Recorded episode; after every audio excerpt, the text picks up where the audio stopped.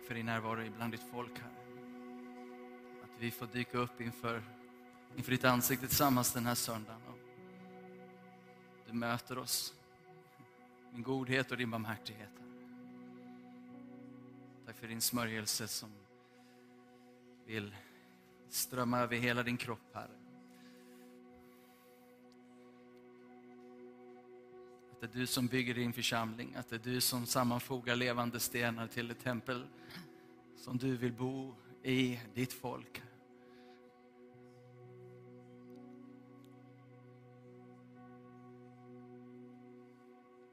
Vi välkomnar dig, Herre. Och idag ber vi igen när vi kommer till ditt ord att du skulle tala till oss, uppmuntra oss och styrka oss där vi behöver det som mest och bäst just nu,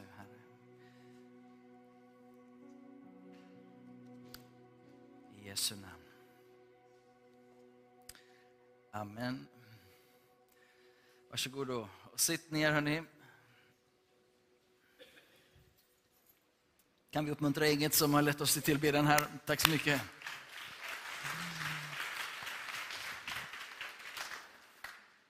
Och eh, varmt välkomna till Citykyrkan den här söndagen. Eh, både ni som är här och ni som hänger på över skärm. Um, och eh, är du ny ibland oss så är du särskilt välkommen att fira gudstjänst den här söndagen. Ehm, uh, Paolo Olenius heter jag, pastor här. Jag är gift med Therese. Och uh, är det så att ni som sagt är intresserade av mer, ehm, uh, lära känna församlingen mer, så har vi intro precis direkt efter gudstjänst. Um, då får du möta ledarskapet och vi tar tid att och eh, lära känna varandra. Innan jag kommer in i Bibeln idag så eh, vill jag berätta om något som flashade förbi i början eh, på, i, i loopen där på, på storskärmen här. Eh, vi har en möjlighet för dig och för oss som vill att testa mission i Uganda. Ehm, vi har under några år haft den här tanken på att göra det möjligt för att åka till vår församling, City Church Kampala, och vara stationerad där Ehm, inte bara komma någon, en vecka och göra härlig missionsinsats, men att få vara där ett läsår eller ett halvår. Ehm, och vi har eh, tittat på möjligheterna. Det finns något som heter PMU, praktikant. Och, eh, det har inte riktigt öppnat upp sig där. Ehm, men nu så dök det upp den här möjligheten tillsammans med något som heter Testa mission. Och det är ett, en folkhögskolekurs, eh, en, ett läsår. och i samtal med de som leder det här ehm, så känner vi att men det här faktiskt eh, sammanflätas eh, med den drömmen vi hade och eh, den kursen som det faktiskt handlar om. Ehm, så vi vill bara göra det möjligt. Det här är redan till hösten, så det är eh, kort, kort varsel. Vi testar helt enkelt om det är någon som vill testa mission. Eh, kanske är det så att Gud har lagt det på ditt hjärta och redan är förberedd, liksom, att du väntar bara på möjligheten, vägen, hur ska, vi, hur ska det här hända? Eh, och eh, som sagt, redan till hösten, vi ser om det är möjligt, eh, om, eller om det finns intresse. Och I så fall så går ni in på hemsidan, CKS, har du lagt upp någonting där Maxson? Mail, så sa vi. Maila info at cks.se mejla oss, så, eh, eller söker du bara på Testa Mission. Den finns eh, en egen hemsida hur de lägger upp det.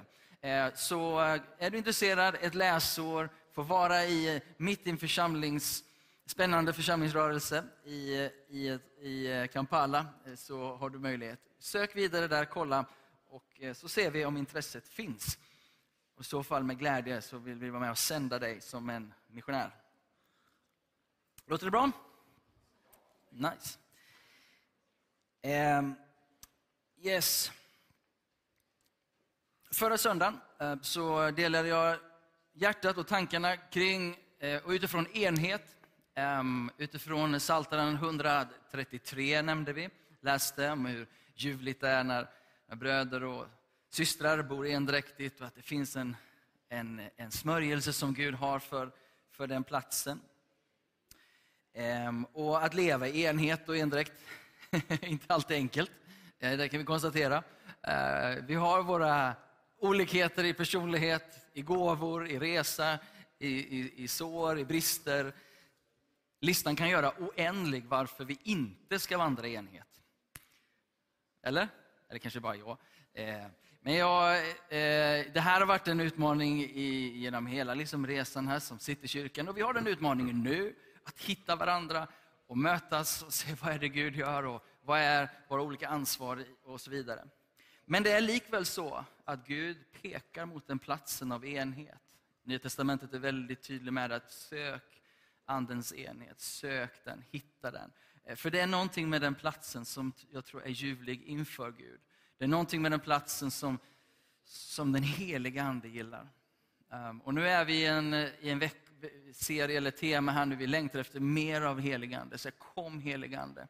Och, och igen då, så, i mig rör det sig de här frågorna, vad är det för typ av plats? Vad är det Gud drar sig till? Vad är det han liksom vilar över? Um, och, och förra veckan så pratade vi om generationerna tillsammans. Att när fädernas hjärtan vänds till barnen och barnen till fäderna, att det är någonting när generationerna eh, kommer samman, välsignar varandra, Eh, hedrar varandra och ger utrymme för varandra. Jag tror att det är någonting som attraherar Guds, eh, Guds ande. Ehm, det som jag kommer att lyfta idag är nationerna tillsammans. Nationerna tillsammans. Och det, är, det, det, har du hört oss prata om här, men det, är, det ligger på Guds hjärta och det ligger på vår, vår församlings hjärta, på mitt hjärta. Ehm, att få vara ett hus, bönens hus för alla folk. Det har du hört flera gånger. Ehm, och, och, Det har lite med anledning också av dels den eh, perioden vi är, som sagt, med Kom helig Ande, men också den konferens som ligger framför oss nästa vecka här, IBC, är ett tydligt uttryck för den visionen, längtan att få vara ett hus för alla folk.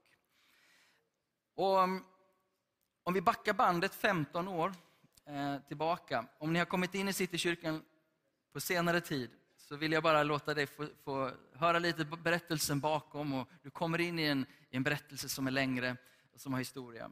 Eh, för 15 år sedan så fick församlingen ett profetiskt ord. Eh, utifrån Jesaja kapitel 25. Jesaja 25 och vers 6-7. 2007 tror jag det var, eller var det tidigare? Det är gripande 15 år sedan. Ja, tiden går. Ehm, så här står det, och det där bibelordet, det här var alltså mm, innan, innan jag och Therese, eller vi var här. Det här var när Jakob var föreståndare och det var i olika bönekonferenser som hände och var då. Ehm, då, då var det här ordet blev tydligt. Herren, Sebaot, ska på detta berg göra en festmåltid för alla folk.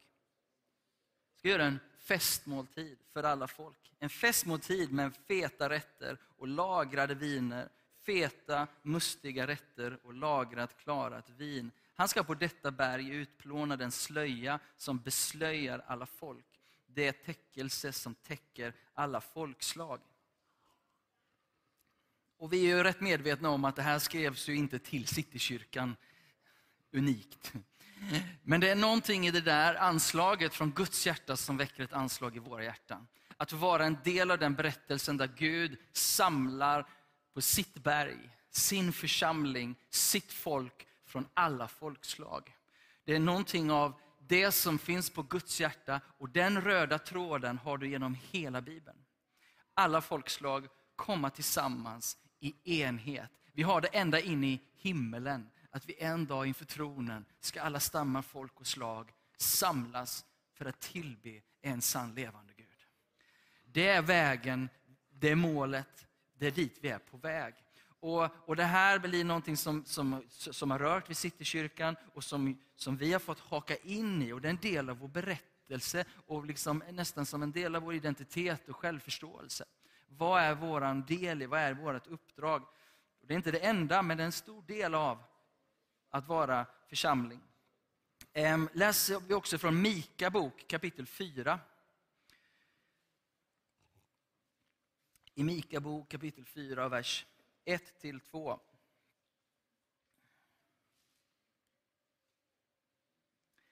Att det ska ske i den yttersta tiden. Att berget med Herrens hus ska stå fast grundat och vara högst bland bergen och upphöjt över höjderna. Och lyssna, och alla folk ska strömma dit. Alla folk ska strömma dit. Och många folk ska gå iväg och säga, kom, låt oss gå upp till Herrens berg, till Jakobs Guds hus. Han ska lära oss sina vägar så att vi kan vandra på hans stigar.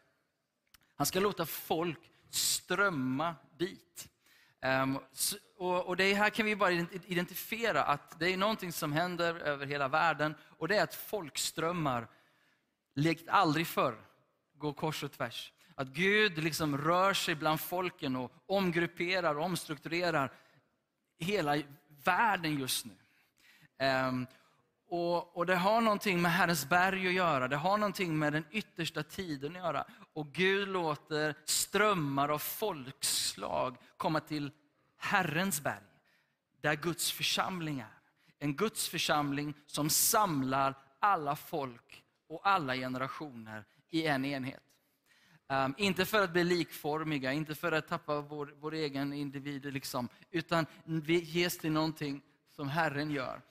Um, den här veckan så kommer nationen att strömma in i Citykyrkan. Oh yes. På, på, på fredag kväll så har vi en skön... Upplägget de här kvällarna det, det är två gudstjänster på varandra. Bara det. Det är bara Wilberforce som kommer med en sån idé.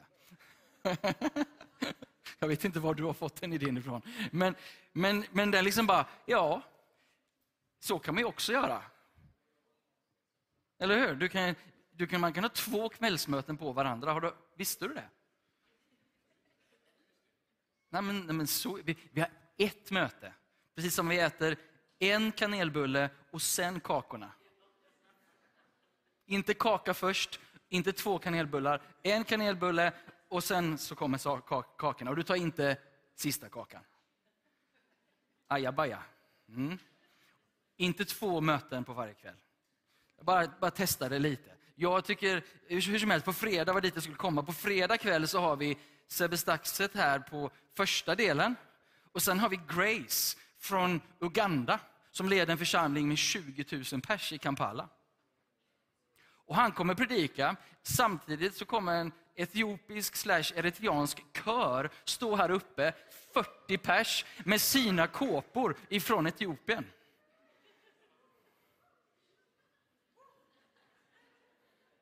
Varför då? Hur blev det så? Ja, nationerna kommer samman. Det kommer inte bli någonting så som du är van vid. Det kommer inte bli kanelbulle och sju kakor. Nej, inte någonting sånt. Det kommer bli helt annorlunda. Gud korsar och tvärsar och korsbefruktar och gör någonting i den här tiden som är vackert.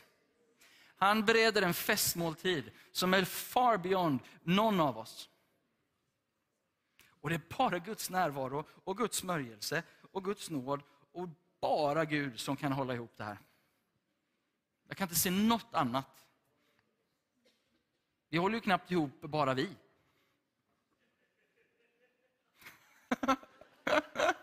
ja, du vet vad jag menar Pekka.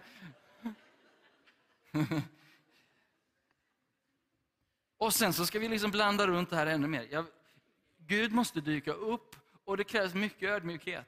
Det krävs mycket att hjärtan som, som låter Gud liksom på något sätt göra vad han vill ibland oss utan att vi ska ska man säga, vi, vi, vi, ska få må bra i det, vi ska få ha glädje i det, inte det. Men det är någonting av det Gud gör som, som kommer utmana oss och som utmanar oss och har gjort det. Ehm, jag skulle vilja kort vilja spegla det här i en annan bibelberättelse eh, ifrån Ruts bok.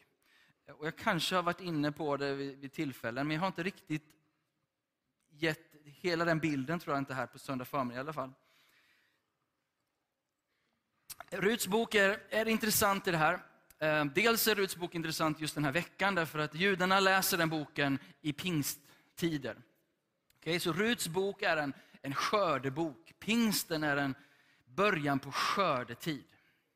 Eh, det är bara intressant, om de återkommer till den här boken så har det med skörd att göra, det har med pingsten att göra. Ehm, men Ruts bok som, som skrevs ehm, typ 1100 innan Kristus, det är före kungarna. Ehm, och den beskriver eh, förflyttning av folk och, och, och blandning av, av folkslag. Kort för dig som är ny i Bibeln, så är det så att Nomi är israelit och gift med en, man och de bestämmer sig för att lämna Israel. De bestämmer sig för att lämna löfteslandet och gå till Moab, som var grannland. För det var kärvt i Israel, det var, det var eh, torka och fattigt. Eh, eller fattigt ska jag inte säga, men det var, fanns inte mat. Ehm, och, eh, så Naomi åker iväg och i Moabs land så förlorar Naomi allt. Hon förlorar sin man, hon förlorar sina söner. Men har hunnit gifta, så att säga, gifta bort sina söner eh, till två stycken unga damer. En som heter Orpa och en som heter Rut. Och, och de bestämmer sig för att eh, ta sig tillbaka. Naomi har ingenting kvar, allt är förlorat. Hon säger om sig själv att eh, jag är helt tomhänt. Allt har tagits ifrån mig. Så börjar hon sin vandring tillbaka. Orpa, eh, en av, en av svärdöttrarna där, släpper taget, stannar kvar i Moab och Rut, hon bestämmer sig för, jag ska bli med Nomi. Det är någonting med hennes folk, det är någonting med hennes Gud, det är någonting som finns där, så jag hänger på. Um, Rut är alltså en migrant. Rut är någon som kommer som främling in i Israel. Um, om du går till kapitel 1 och vers 21. Så står det så här. Nomi säger, rik reste jag härifrån och tomhänt har Herren låtit mig komma tillbaka. Det var en dålig resa. Hörni. Hon åkte rik, kom tillbaka tomhänt. Men så fortsätter vi läsa så här. Men varför kallar ni mig Nomi? Herren har vittnat mot mig, den allsmäktige har låtit det gå illa för mig. Och Nomi återvände tillsammans med sin moabitiska sonhustru Rut, som hade följt med från Moabs land. Och de kom till Betlehem när kornskörden började.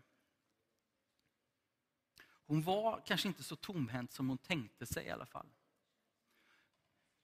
Hon hade med sig Rut. Och när vi sen kommer i slutet av boken så förstår vi vem Rut är och vem Rut ska bli och vad Gud hade syftat Rut till. Rut skulle bli farfar till David, till kung David. Det var Rut som bar... Vad sa jag? Farfar, ja. Käre värld. Hon skulle bli mamma till Davids farfar. Det är sant. Obed var... jag försöker rädda mig själv här nu. Um, Obed Rut föder Obed, Obed blir farfar till David. Där har vi det. Kung David som är förebild på Kristus. Det Gud har i åtanke, det är att flytta Rut från Moab och sätta in henne i Jesu släkttavla. Jag vet inte varför det är det bästa, men det är det Gud håller på med. När Naomi ger sig ut på det här äventyret och tänker att det är en bra idé att lämna löfteslandet, det var en dålig idé, men en dålig idé för med sig ett, en bra, ett bra utbyte. Hon tar med sig Rut. Och Gud hade från början orkestrerat och satt in, eller gör det, sätter in Rut i Jesus släkttavla. Och jag tänker att en del av oss, en del av oss här kanske känner, att jag gjorde ett taskigt val, jag drog till Moab. I spent all. Men tänk att Gud, tänk att evangelium är sånt att det hämtar tillbaka det där fröet av av hopp som finns i Rut. Och sen så använder Gud det till sin ära, i sin plan, för sina syften. Tror du på det? Att evangelium tar det där som vi har förlorat och spenderat bort, så att säga. Men Gud tar det lilla i oss, fröet, och sen så sätter han in det i sin berättelse. Och då får berättelsen ett helt annat perspektiv, eller hur? Var Naomi den mest tomhänte, den mest beklagansvärda för hon hade spenderat allting? Nej, hon kom med någon som hade stort värde inför Gud. Um, och jag tänker att det finns någonting i den berättelsen av det faktum att vi har så många som just nu kommer in. Genom Guds strömmar så strömmar folkslagen in. Det avgörande i Ruts berättelse, och Noomis berättelse, det är att det finns en Boas i landet. Det hade inte blivit den här fantastiska berättelsen om det inte vore för att Boas var där.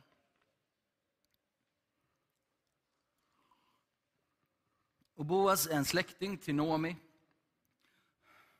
Och när Rut kommer tillbaka, eller de är i Betlehem, vet Jesu födelsestad. De är i Betlehem och det första Rut gör är att hon går ut och börjar samla eh, strå och ax på skördefältet. Den ekonomiska socialförsäkringen på den tiden var att de fattiga fick gå med kanterna. Man fick inte skörda all skörd, utan man var tvungen att lämna kanterna för de fattiga. Så de fattiga gick och samlade ax. Så Rut, Noomi visste systemet, Rut går direkt ut och börjar samla ax. Händelsevis är det så att hon kommer just på den platsen, den, den, den åker som tillhör Boas. Och Boas ser den här främlingen. Och Boas går in och skyddar henne. Han säger, henne rör ni inte vid. Och inte bara ska du ta från det som är kanterna på åken. Du får gå och ta mitt i åken. Han flyttar in Rut mitt i skördefältet. Mitt i det som någon annan har stått och planterat. En oerhört vacker beskrivning av hur vi som Guds folk kan få vara med och bjuda in främlingen, den som är utsatt kanske i vårt sociala system, men också alla de som är på väg in i vårt land. Hur de strömmar av folk. Jag tror att Gud reser upp Boas i våra hjärtan. Jag tror att Jesus vill att sin församling ska vara Boas i den här tiden. Jag tror att det är vår glädje och möjlighet att få vara den välkomnande Boas och säga, rör inte vid Rut. Hon är med mig. Att vi som har varit i det här landet längre har möjlighet att göra det som Boas gjorde förut. Så min fråga, jag tänker att Gud sänder ut. Frågan är om Boas är redo att ta emot. Min bön är att den här församlingen och att våra hjärtan skulle få vara Boas. Min bön är att det ska få sprida sig över vår stad, eller vårt land, många Boas församlingar. Ett Boas folk som säger, vi kan skydda, vi kan ta hand om. Um, men det är bara intressant i alla fall att Rut och Boas möts på skördefältet. Och visst är det så att Jesus säger att skörden är mogen, eller hur? Att det finns en skördetid, att det finns människor som är redo för att komma in i Guds rike. Och det är intressant att Rut och Boas möts där. Det finns ett uppdrag, det finns någonting som vi kallar att göra tillsammans. Och att mötas, det är bra att mötas i skördefältet. Um, några, några grejer som jag bara lägger märke till i, i, i Ruts bok. När Rut och Boas kommer tillsammans. Om vi går i slutet av boken, det finns massor spännande att upptäcka mer än det här, men om vi går i sista kapitlet.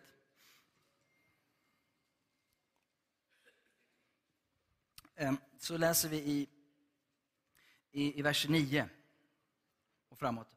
Då sa Boas till de äldste och till allt folket. Ni är idag vittnen till att jag av Noomi. Noomi har köpt allt det som tillhör Alimelek och allt som har tillhört Kiljon och Malon.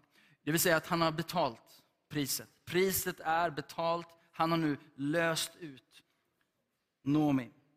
Samtidigt har jag också fått moabitiskan Rut, Malons hustru, till min hustru för att uppväcka den dödes namn över hans arvslott så att den dödes namn inte utplånas bland hans bröder eller ur porten till hans stad. Ni är idag vittnen till detta. Allt folket i stadsporten, liksom de äldste, svarar, vi är vittnen, må Herren låta den kvinna som nu kommer till ditt hem bli som Rakel och Lea. Alltså några av Israels stammödrar. De kvinnor som, som ansågs högst. Som båda har byggt upp Israels hus. Bli framgångsrik i Efrata och berömd i Betlehem. Må ditt hus bli som Peres hus, honom som Tamar födde åt Juda genom de barn som Herren ska ge dig med denna unga kvinna. Och Boas tog Rut till sig och hon blev hans hustru. När han gick in till henne lät Herren henne bli havande och hon födde en son. Och då sa kvinnorna till Naomi, till Naomi, lovad är Herren som idag inte har lämnat dig utan återlösare. Och hans namn blir prisat i Israel. Han ska ge nytt liv och försörja dig på din ålderdom. Det är ju din sonhustru som har fött honom, honom som älskar dig och mer för dig än sju söner. Och Nomi tog barnet och lade det i sin famn och blev den som skötte det. Grannkvinnorna gav honom ett namn och sa, Nomi har fått en son. Vilket inte riktigt var sant va? Men i deras bild så var det så. De kallade honom Obed och han blev far till Isai, Davids far. Där har du det. Davids farfar, Obed.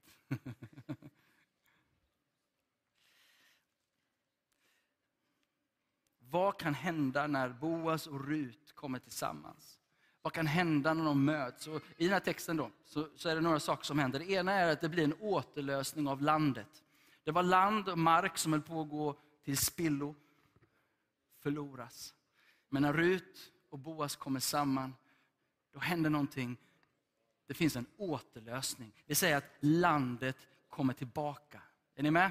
Om vi tar det här och vågar se med profetiska ögon, är det någonting i vårt land som håller på att gå förlorat? Är det någonting av mark och utrymme som håller på att gå förlorat? Det är ganska mycket som står på spel på olika sätt. Men tänk om det är så att det finns en återlösning av landet Sverige. Tänk om det finns en redemption plan. Tänk om det finns en återvinning, återlösning, en frigörelse och förlösning av vårt land. Eller har Gud lämnat Sverige? Den nedåtslutande trend som vi har på många områden. Tänk om det finns något annat som Gud gör i den här tiden. Tänk om han har en plan för redemption. Han har en plan för återlösning av individer, av områden, av delar av samhället.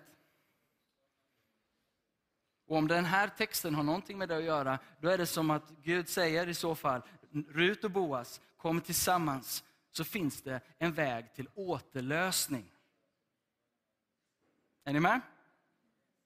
Det kanske är mycket att ta in i huvudet, men, men är det så att Gud är den som orkestrerar jordens... Från, alltså är, det, är det Gud som är med i de folkströmmar, flyktingströmmar? Är det Gud som håller på att göra någonting i den yttersta tiden av att samla sitt folk? Låter han strömmarna komma till sin församling? Har Gud tänkt att hans församling ska vara en nyckelspelare i den yttersta tiden? Självklart. Eller hur? Och i det så finns det någonting av Rut och Boas berättelsen. För det är någonting med Boas och det är någonting med Rut. Rut säger, jag släpper inte Nomi.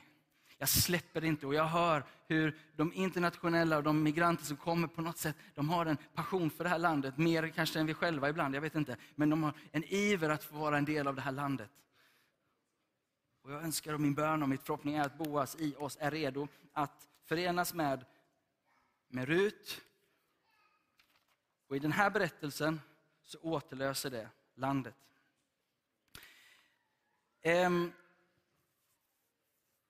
och spetsar man till det lite till så är det kanske så att, eller det är så här i den berättelsen, hade inte Rut kommit så hade inte Boas kunnat återlösa landet.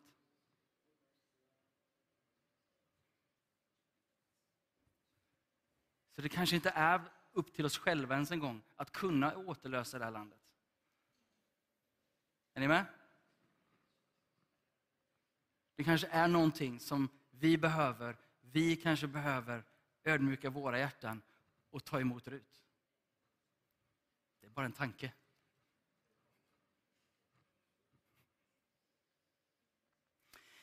Ehm, det som sen händer, som jag redan var inne på, det är att eh, vers 17 läste vi. Grannkvinnorna gav honom ett namn och sa, Nomi har fått en son de kallar honom Obed och han blir far till Israel, Davids far. Det är att vi blir, det, den, den, det som händer när Rut och Boas um, kommer samman, det är att vi förs in i Guds stora berättelse. Plötsligt så är det inte bara en, en änka och, och eh, två änkor egentligen, Noomi och Rut. Utan plötsligt så lyfts två änkors berättelse in i Guds stora berättelse. och så kommer de in i Jesu berättelse. Är du med? Rut och Boas kommer samman. Plötsligt så är det inte bara någon, något periferit eller någonting som har hänt som är beklagligt. Men Gud använder detta för att stoppa in det i sin berättelse. Det är vad evangelium gör. Evangelium tar våra liv och sätter in det i Guds berättelse. Att Gud säger, jag älskar dig. Du är mitt barn. Kom in i min berättelse, kom in i min, min gemenskap. Evangelium plockar in oss i en större bild, inte för att blåsa upp vårt ego, men för att vi får tillhöra en Gud som är större. En berättelse som är större än våra små liv. Och kanske är det så att du har varit på avvägar, precis som Nomi var på avvägar. Och Gud säger idag till dig, kom in i min stora berättelse.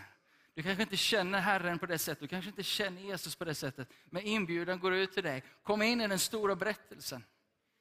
Du behöver inte försöka få till det här själv. Den stora berättelsen är att Herren Sebot på det här berget ska göra en festmåltid för alla folk. Den stora berättelsen är att det strömmar in människor in i Guds rike. Och han eh, utmanar oss och välkomnar oss att bli Boas som tar emot. Det sista det är att den här Obed föds.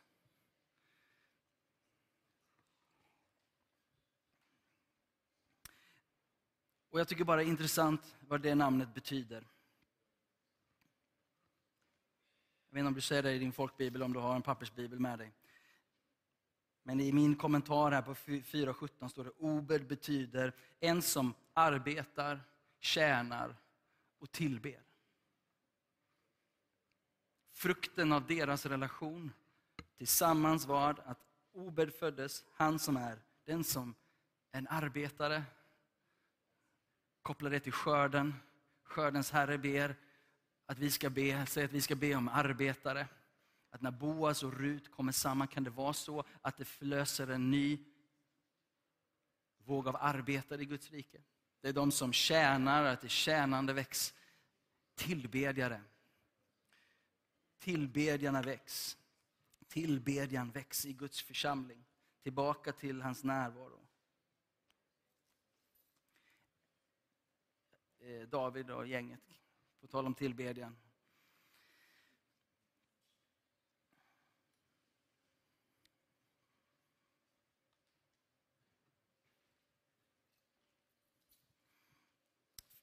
Bara en liten kommentar också. Obed är samma ord, grundord som ordet avoda.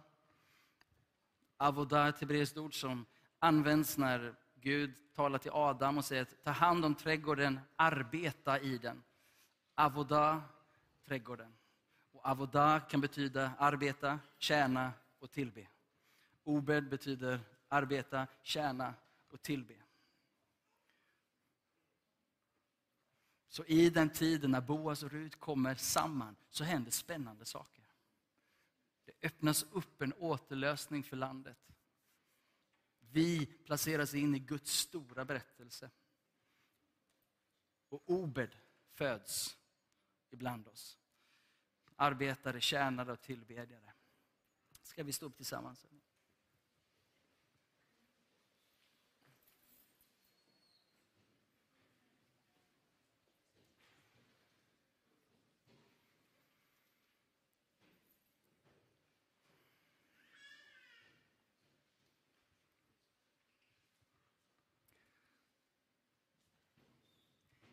Jag vet inte exakt vad Gud har i, i kikaren när det kommer till IBC de här dagarna. Men,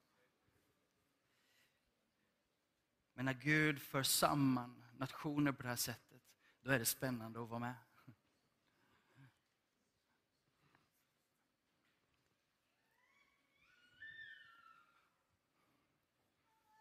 Och i den här tiden när vi säger kom heligande.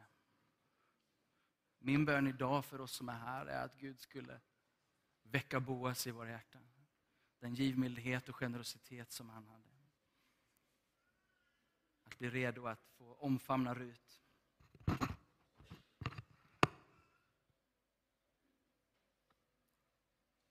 Mm.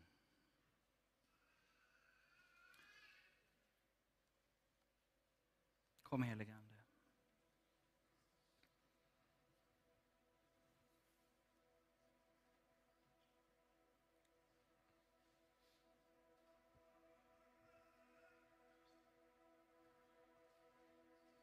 Bara stilla oss inför, inför Gud en stund. Låt han röra vid oss.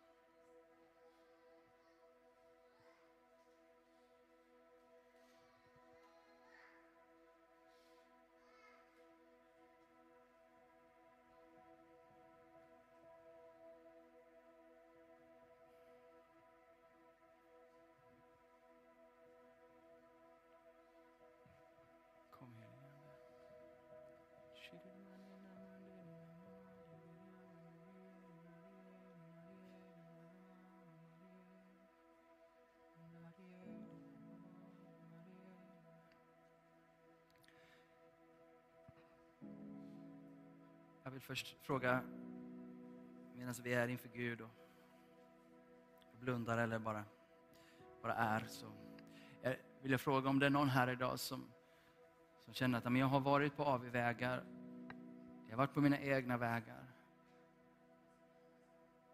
Jag vill komma, komma hem, jag vill komma in i Guds stora berättelse. Jag ber att han vill att Gud ska ta mig in nära Guds eget hjärta.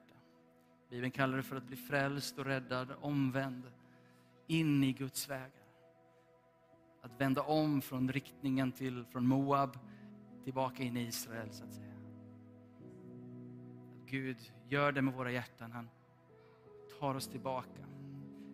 Så är det någon här den här söndagen som jag kan få be för härifrån, jag ska inte ta fram dig idag. Men jag skulle vilja bara be för dig som känner att jag har varit på avvägar och jag vill tillbaka in i Guds stora berättelse. Kan du bara lyfta din hand där du sitter eller står? Så vill jag bara välsigna din, din resa.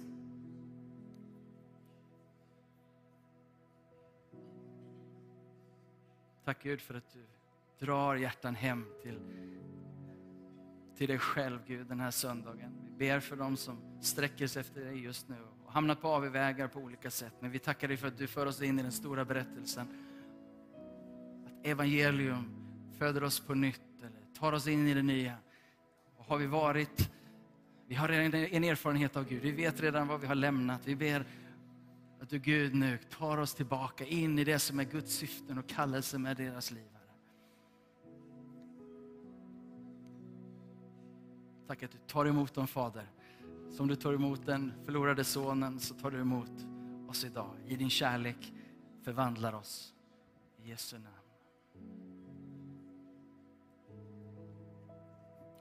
Jag skulle också vilja be för en sak till och det är du som när du hör det här så väcks längtan att få vara som Boas.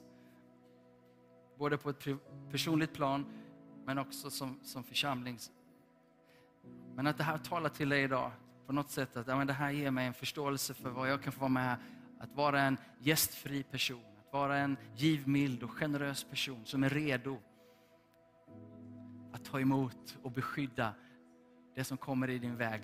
Så om du känner liksom en, en, en kallelsemedvetenhet i detta, att du vill detta, så lyft din hand just nu så vill jag bara välsigna dig i det som Gud gör i ditt hjärta just nu. Kom helige Ande. Tack för det. Tack Gud. Tack Gud för Boas. Tack för Boas anda. Tack för Boas mentalitet ibland oss, att vi blir många som, som tar emot och välkomnar och beskyddar det som du sänder till oss, här.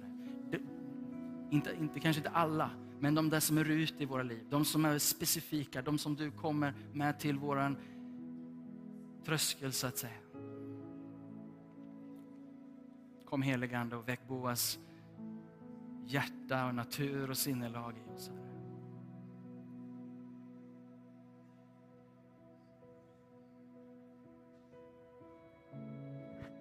Tack för heligande och kraft och smörjelse för, den, för, den uppdraget, för det uppdraget.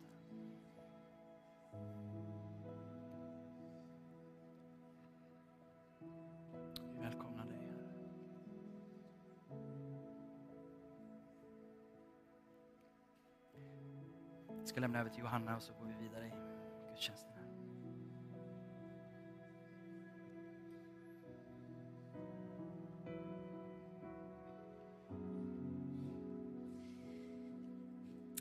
Eh, innan gudstjänsten här så eh, är det en grupp här som har bett inför gudstjänsten ifall det är något särskilt vi kan få fånga upp som Gud talar eh, om alla oss här inne som han vill få vidröra idag. Eh, vi fick bland annat till oss att någon har problem med lårbenet. Du får jättegärna komma till förbön sen så kan vi få be för dig. Någon med rädsla som kämpar med självmordstankar. Gud vill möta dig och han vill ge dig frihet. En uppmuntran från andra Korintierbrevet 12 och 9 att hans eh, kraft, Guds kraft fullkomnas i vår svaghet. Och det här är till någon här inne en uppmuntran att våga lägga ner ditt eget idag för att ta emot det som, som Gud har för dig. En, medel, en medelålders kvinna där glädje och frid inom dig har dött och här vill Gud få komma med sin uppståndelsekraft idag och ge sitt liv till dig in i detta. Någon med migrän som eh, vi gärna ber för idag. Ett par som kämpar i äktenskapet. Här vill Gud få vidröra och hjälpa. Eh, vi tror att det finns flera här inne som, har, som upplever en stor nöd och en stark längtan att verkligen få möta Gud. Och eh, Gud vill möta dig. Eh, kom gärna fram till förbön om du känner detta. Det finns en uppmuntran ifrån Gud att fortsätta söka honom. Den som ber, han får. Den som söker, han finner. Eh, någon som lider av psykisk ohälsa. Gud vill få vidröra dig. Så känner du igen dig eh, i något av detta så kom jättegärna fram. Eh, förbönsplatserna är öppna här till vänster och höger. Och eh, det finns jättetrygga, fina personer här på plats som vill få be tillsammans med dig. Eh, om du har något annat du gärna vill få be för och ta emot förbön för så kom jättegärna fram för det också. Så tar vi en stund i lovsång nu tillsammans.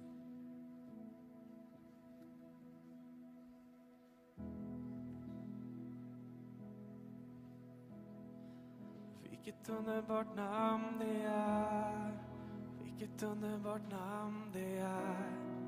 Min Jesus Kristus konung är. Vilket underbart namn det är.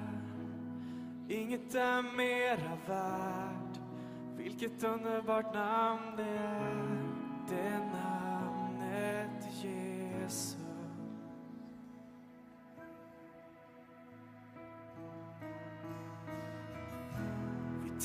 Tidens början var du ordet Ett med Gud allsmäktig far.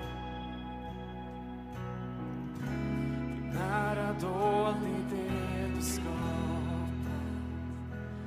Nu i Kristus uppenbar. Vilket underbart namn det är. Vilket underbart namn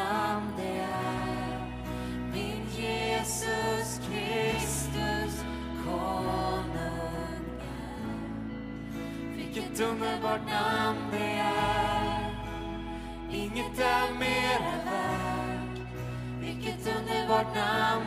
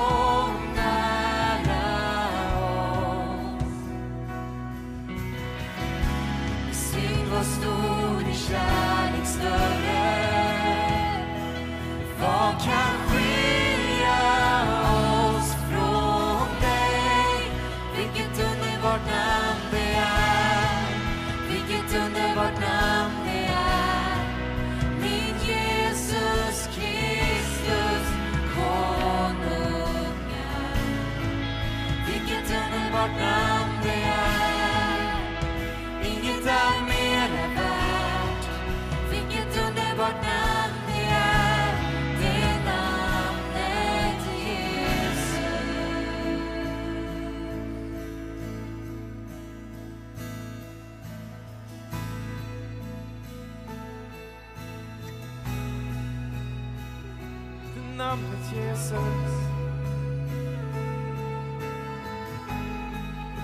Du övervann döden Besegrade graven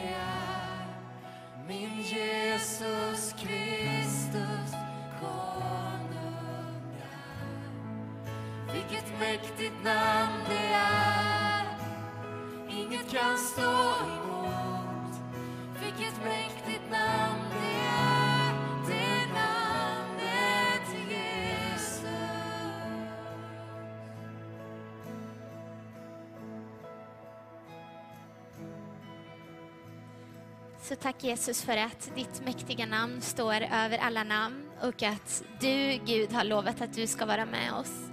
Tack Gud för att du bär oss dag för dag och att du är med oss i, i veckan som kommer här nu Gud. Vi, eh, vi ber att eh, du ska hjälpa oss att ha öppna hjärtan för dig Gud och öppna öron för det du vill tala och, och påminna oss om Gud. Vi ska avsluta där. Eh, jag tar och ber välsignelsen över oss. Så Herren välsigne oss och bevare oss. Herren låter sitt ansikte lysa över oss och vare oss nådig. Herren vänder sitt ansikte till oss och ger oss av sin frid. I Faderns och Sonens och den helige Andes namn. Amen. Ja, så kära församling, då går den här gudstjänsten mot sitt slut. Eh, jag vill bara påminna om eh, introt som, eh, som kommer vara just nu efter den här gudstjänsten på våning tre. Så annars så tror jag det finns kaffe. Vart står kaffevagnarna? Uppe här till vänster och höger. Så stanna gärna kvar en stund och ta kaffe och lär känna någon ny. Och är du intresserad av den här församlingen och veta mer om Citykyrkan så gå upp till våning tre så har vi intro där.